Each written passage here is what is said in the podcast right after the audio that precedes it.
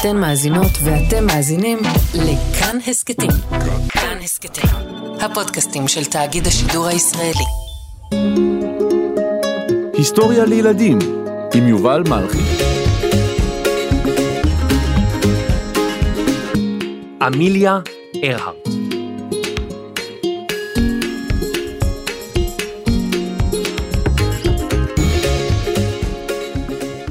שלום ילדים, שלום ילדות. לפני כמאה שנים, עולם התעופה היה בחיתוליו, ממש בתחילת הדרך. המטוסים היו מכונות פשוטות, שטסו למרחקים קצרים יחסית, וכיוון שהיו אלה הדגמים הראשונים, היו בהם המון תקלות. היום אספר לכם את סיפורה של אחת הטייסות הנועזות של אותה תקופה. טייסת נועזת ששברה שיאי תעופה רבים, אישה שהעזה לעשות מה שאיש לא עשה לפניה, ושעד היום כותבים עליה ומחפשים אותה. זהו סיפורה של אמיליה ארהרט.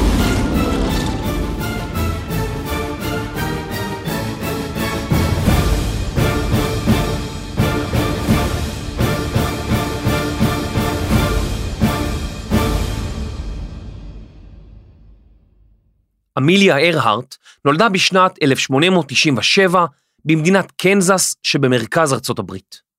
אביה, אדווין ארהרט, היה עורך דין, אך הוא חיבב אלכוהול יותר מדי ולא הצליח להישאר בעבודה אחת זמן רב. לאמיליה הייתה אחות בשם מיוריאל, ושתיהן אהבו מאוד לטפס על עצים, להחליק במזחלת, ואפילו לצוד חולדות בעזרת רובה. איכס.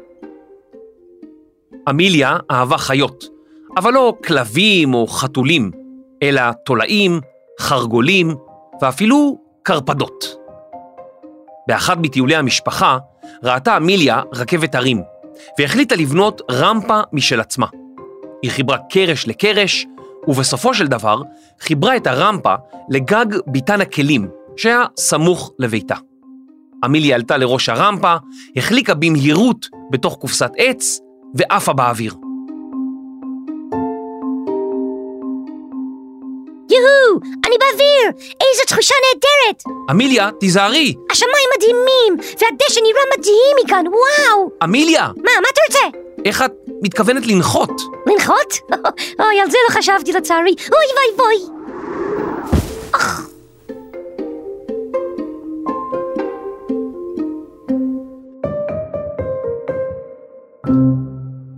עד גיל 12 למדה אמיליה בבית בעזרת הוריה. היא הייתה תלמידה טובה ואהבה במיוחד מדעים. היא הייתה ילדה סקרנית ורצתה ללמוד על העולם, ממה הוא עשוי, מתי הוא נוצר ואיך הוא פועל. באותן שנים עבד אביה של אמיליה בתור עורך דין של חברת רכבות, והמשפחה עברה ממקום למקום. כאשר גרו במדינת איואה בארצות הברית, אמיליה ואביה ביקרו ביריד. האטרקציה הגדולה של היריד הייתה מטוס. השנה הייתה 1907, והמטוס של האחים רייט נבנה רק כמה שנים קודם לכן. אמיליה לא התלהבה בכלל מהמטוס, ותיארה אותו כדבר עשוי מחוט חלוד ולא מעניין בכלל. היא חזרה עם אביה לקרוסלה.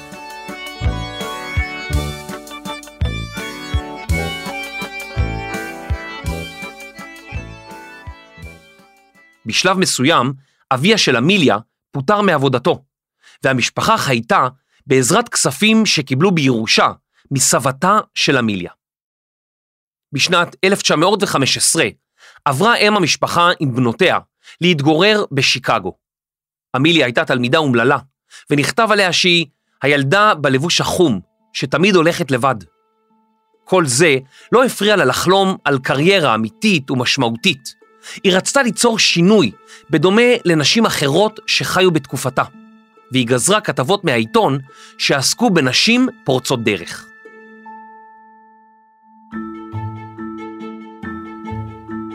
בשנת 1917 סיימה אמיליה את לימודיה בבית הספר, ועברה ללמוד באוניברסיטה, אלא שהיא עזבה את הלימודים זמן קצר לאחר מכן. באותן שנים התרחשה מלחמת העולם הראשונה, וכשאמיליה נתקלה בחיילים פצועים ששבו משדות הקרב של אירופה, היא החליטה שהיא חייבת לעזור להם. היא עברה הכשרה מהירה כדי להיות עוזרת אחות, חילקה תרופות והכינה אוכל בבית החולים של הצלב האדום עד שהסתיימה המלחמה.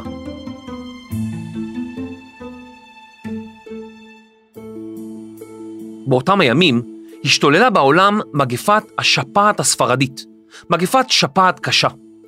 גם אמיליה חלתה בשפעת הספרדית, ושהתה חודשיים שלמים בבית החולים בשל דלקת ריאות.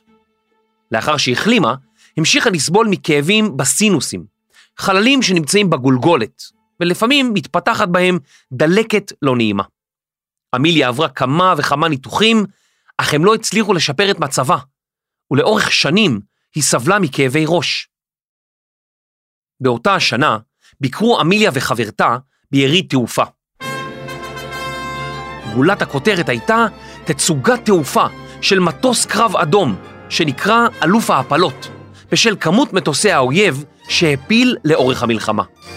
הטייס ראה את אמיליה וחברתה והחל לצלול עם מטוסו לכיוונן, אך אמיליה לא נבהלה ולא זזה. לימים היא תאמר, אני מאמינה כי המטוס האדום הזה ניסה לומר לי משהו כאשר חלף על פניי. זמן מה לאחר מכן ביקרה אמיליה בתערוכה נוספת, ואפילו התנסתה בטיסה בת עשר דקות לצד טייס צבאי ידוע. הטיסה הזו שינתה את חייה.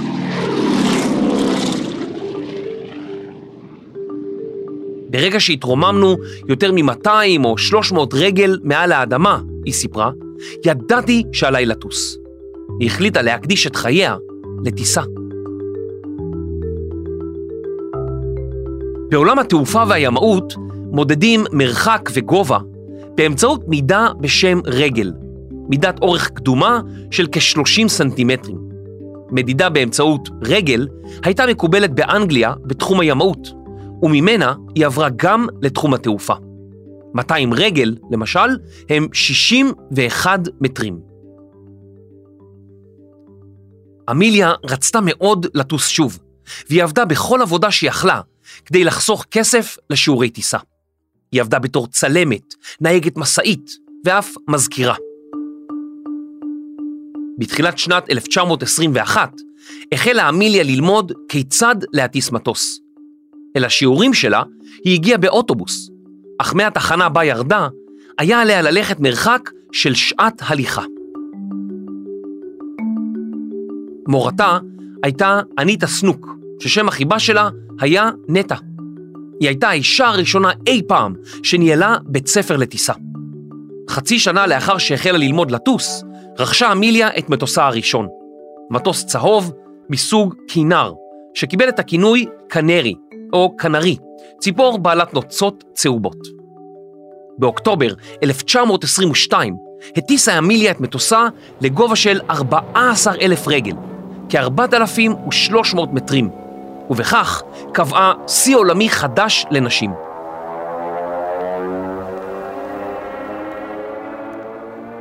היא הוציאה רישיון טיס מהאיחוד הבינלאומי לאווירונאוטיקה, האישה ה-16 בהיסטוריה לעשות זאת. לטוס היה, ועדיין, נחשב לדבר יקר. כדי לממן את הוצאות הטיסה, השתמשה אמיליה בכספי הירושה מסבתה, אך בשל השקעה לא נכונה, הכספים ירדו לטמיון, ואמיליה נותרה ללא מימון. טמיון היא מילה מהשפה היוונית, ופירושה אוצר. המונח ירד לטמיון הוא כסף שעבר לאוצר המדינה ולא ישוב יותר. אמיליה נאלצה למכור את מטוסה, וקנתה במקומו רכב. היא עברה ניתוחים נוספים לטיפול בדלקת הסינוסים שלה, עד שאחד הניתוחים הצליח. אמיליה ניסתה לחזור ללימודים באוניברסיטה, אך נאלצה לפרוש בגלל שלא היה לה את הכסף הנדרש. היא עברה לעיר בוסטון בצפון מזרח ארצות הברית, וניסתה למצוא עבודה מכניסה, אך לא הצליחה. היא עברה מעבודה לעבודה, אך למרות כל זאת, המשיכה אמיליה להתעניין בתעופה, ואף נבחרה להיות סגנית נשיאת הסניף של ההתאחדות לאווירונאוטיקה בבוסטון. עד מהרה אמיליה החלה למכור מטוסים, וכתבה טור בענייני תעופה לעיתון מקומי. היא הפכה לדמות ציבורית ומוכרת בקהילת התעופה.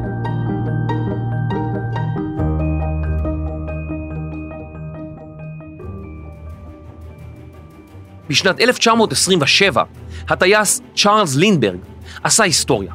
הוא חצה בטיסה ישירה את האוקיינוס האטלנטי והצליח להגיע מניו יורק לפריז בטיסה ישירה, בלי עצירות. אישה אמריקנית עשירה שהתגוררה בלונדון רצתה להיות האישה הראשונה לחצות את האוקיינוס האטלנטי. אך כשהבינה עד כמה מסוכנת הייתה הטיסה, החלה לחפש אחר אישה אחרת שתעשה זאת במקומה. היא מצאה את אמיליה ארהרט והתקשרה אליה.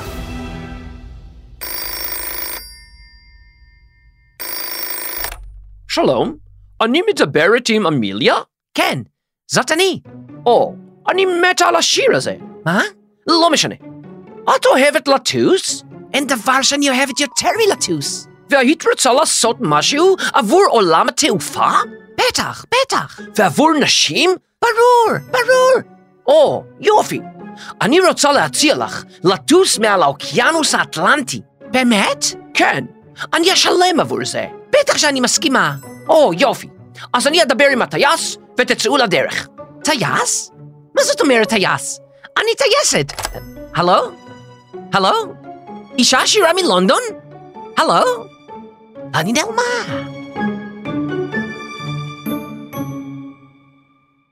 אמיליה הסכימה להשתתף בטיסה, אך עד מהרה גילתה כי תפקידה הוא להיות נוסעת בלבד. שני הטייסים שעימם טסה לא הרשו לה לגעת בהגאים. היא סיפרה שהיא הרגישה כמו שק תפוחי אדמה.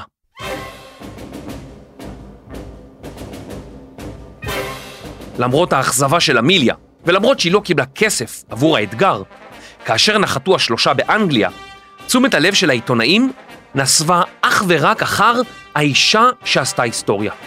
תהלוכה מרשימה נערכה לכבוד צוות הטיסה, והם אף הוזמנו לבית הלבן בארצות הברית.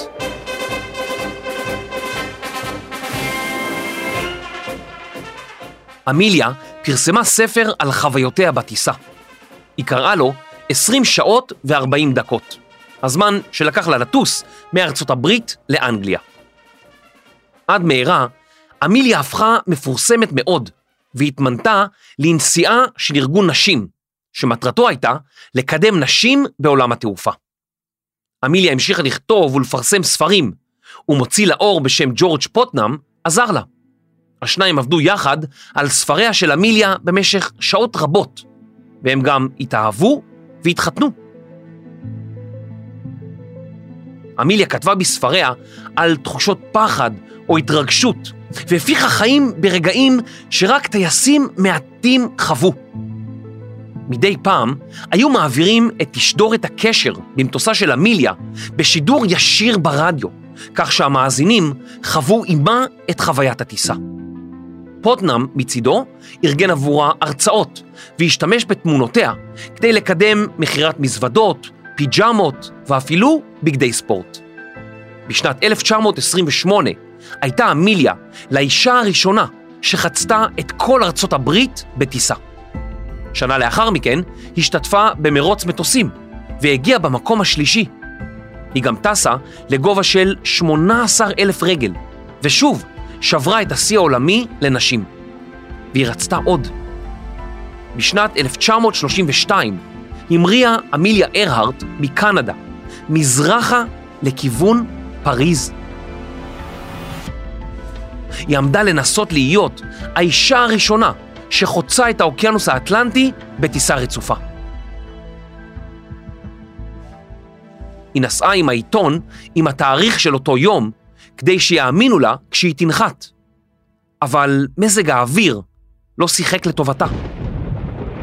אמיליה נאלצה לטוס דרך עננים רבים, וקרח הצטבר על כנפי המטוס שלה. בשלב מסוים היא הבינה שלא תגיע לפריז, והחליטה לחפש מקום לנחות בו. לאחר 15 שעות טיסה רצופות, היא נחתה בצפון אירלנד, בשדה פתוח.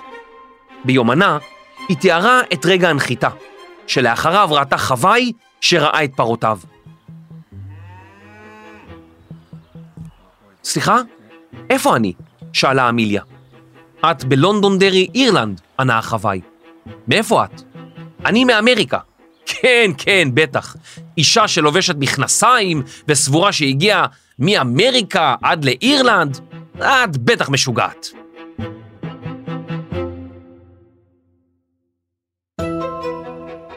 אמיליה טסה מאירלנד ללונדון, והתקבלה כגיבורה בינלאומית. עם שובה לארצות הברית, היא שוב הוזמנה לבית הלבן, קיבלה פרסים ומדליות, והייתה לשיחת היום. היא הפכה לאדם נערץ גם על ידי נשים וגם על ידי גברים. בעיתוני ארץ ישראל של אותה התקופה קראו לאמיליה המעופפת, וכך נכתב עליה. לכבודה של המעופפת ארהרט. הגברת אמיליה ארהרט פוטנאם, האישה הראשונה שעברה לבדה בטיסה את האוקיינוס האטלנטי, היא כיום גיבור היום בלונדון. בכל מקום בואה מתאספים המונים ומתריעים לכבודה. כך היה כתוב בעיתון, מילה במילה.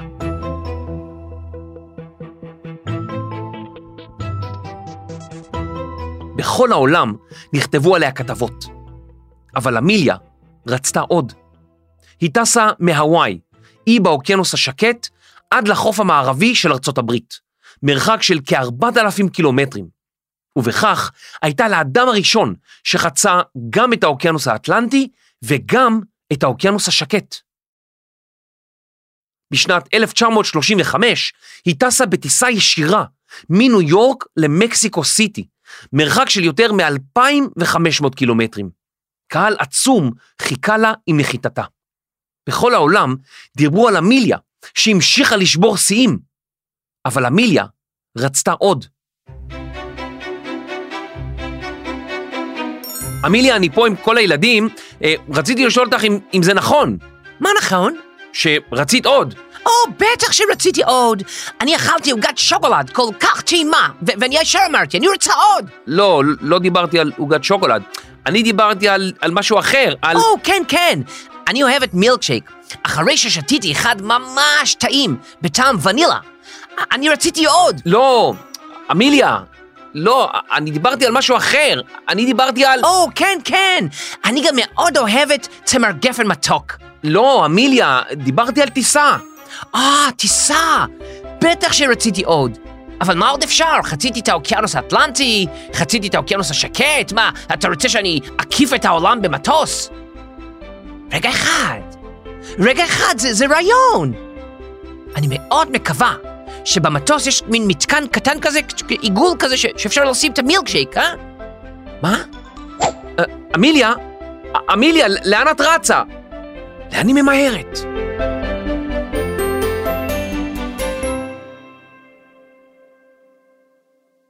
בשנת 1935, אמיליה החלה לתכנן טיסה מסביב לעולם, עם נחיתות רבות באמצע הדרך.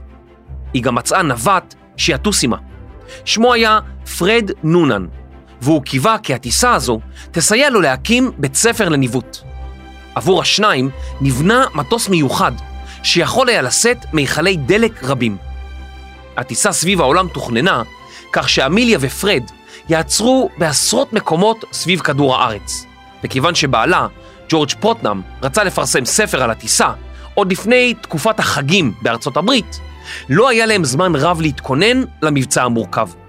הם טסו כל יום 12 שעות כדי להתרגל למטוס החדש, לתנאי הטיסה והאחד לשנייה.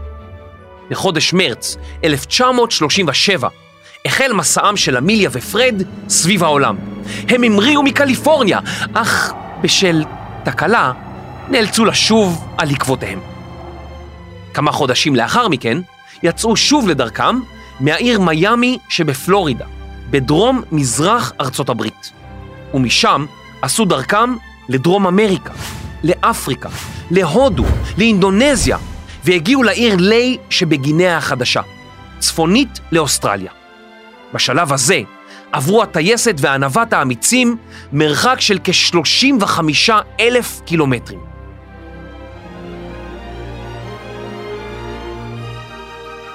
את שאר המרחק הם תכננו לעבור בטיסה מעל האוקיינוס השקט. התחנה הראשונה בשלב האחרון של מסעם סביב העולם היה האי האולנד, אי קטנטן ולא מיושב. אמיליה ופרד ידעו שיהיה קשה מאוד לנחות עליו, במיוחד לאחר טיסה ארוכה של 18 שעות ושמיים מעוננים. לכן, הם מראש תיאמו שספינה של משמר החופים האמריקני תכוון אותם לנחיתה מוצלחת. במברק ששלחה אמיליה נכתב: זה המכשול האחרון שעליי לעבור לפני שאוכל לחזור הביתה ולומר לבעלי ג'ורג', הנה לך, עשיתי את זה. ב-2 ביולי, כחודש לאחר שיצאו למסע המפרך, המריאו אמיליה ופרד לכיוון האולנד. אך כבר בתחילת הטיסה החלו לצוץ בעיות.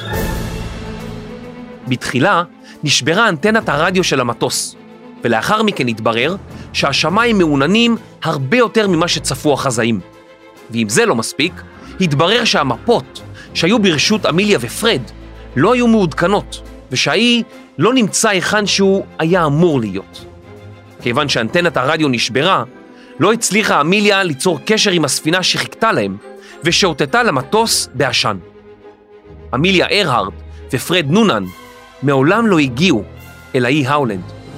הם נעלמו, ומעולם לא נמצאו.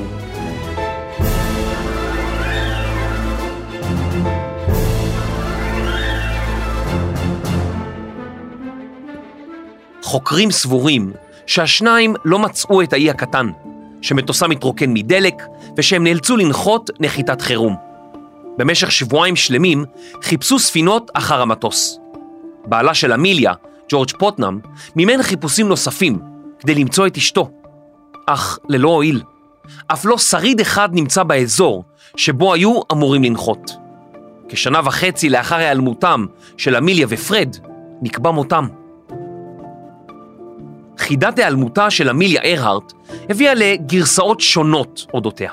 רבים סברו שמטוסם נעלם בים, ולכן לא נמצאו שרידים כלשהם. אך הקהל האמריקני לא יכול היה להשלים עם העובדה שהגיבורה שלו נעלמה, ללא עקבות. עם הזמן צצו סיפורים שונים אודות גורלה של אמיליה. היו שאמרו שהמבצע האמיתי של אמיליה היה לטוס מעל מתקנים יפנים ולצלם אותם, אך היפנים גילו אותם והכריחו אותם לנחות ביפן. סברה אחרת היא שאמיליה נפלה בשבי היפני ונשארה שם עד מותה. ויש כאלה שסברו שהיא חזרה לארצות הברית בזהות בדויה. ריק ג'ילספי חקר את סיפורה של אמיליה ארהרט, והוא הוביל משלחות רבות לאזור שבו נעלמה. במהלך השנים הוא מצא באי ניקו מרורו פריטים שהובילו אותו להכריז כי מצא את מקום ההתרסקות של אמיליה ארהרט. ג'ילספי מצא על האי קערה משריון צב, עצמות אדם, נעל, איפור ובקבוק זכוכית. ג'ילספי גילה שכלי הזכוכית הזה שימש באותה התקופה למוצר קוסמטי לנשים, וייתכן שאמיליה עשתה בו שימוש. על פי התיאוריה שלו, אמיליה ופרד נחתו נחיתת אונס באי, ומשם הם ניסו לשדר אותות מצוקה, אך ללא הועיל. בשנת 2018, חוקר אחר, שבדק את העצמות שנמצאו באי, קבע כי כפי הנראה, הן אכן שייכות לאמיליה ארהרט. אבל התעלומה טרם נפתרה במעט האחוזים. עד היום אנחנו לא יודעים בוודאות מה קרה לאמיליה ופרד. אמיליה ארהרט ידועה עד היום בתור אחת מפורצות הדרך בתולדות התעופה, ולא רק בנשים. שמה הונצח בבתי ספר, ברחובות ובקשרים, על גבי בולים. ספינה של הצי האמריקני נקראה על שמה, ואפילו כוכב לכת ננסי. בעקבות סיפורה ודמותה האמיצה והנועזת, נשים רבות החלו להשתלב במקצועות שנחשבו גבריים, ויותר מאלף נשים התנדבו לשרת בחיל האוויר האמריקני במלחמת העולם השנייה. טייס אמריקני בשם וולטר בוין אמר עליה כי אמיליה ארהרט הגיעה טרם זמנה. האדם החייכן, הבטוח בעצמו, המסוגל, ועם כל זאת מלא בחמלה, הוא אדם שכדאי לנו להיות גאים בו. בכל שנה, ב-24 ביולי, מצוין יום אמיליה ארהרט, יום הולדתה של הטייסת הנועזת. אז מה אתם אומרים? אולי השנה נחגוג את יום הולדתה עם עוגה בצורת מטוס?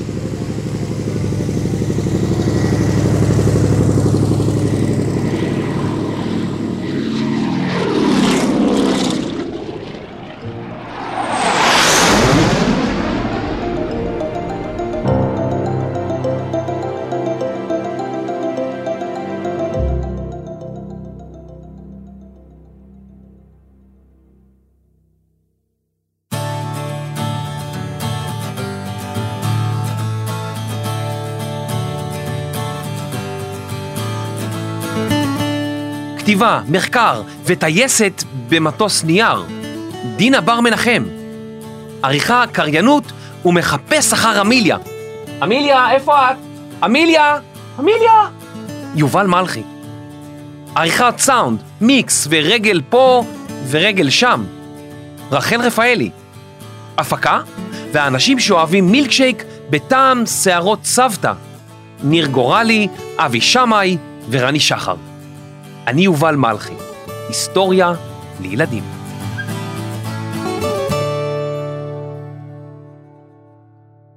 רגע, עצרו הכל.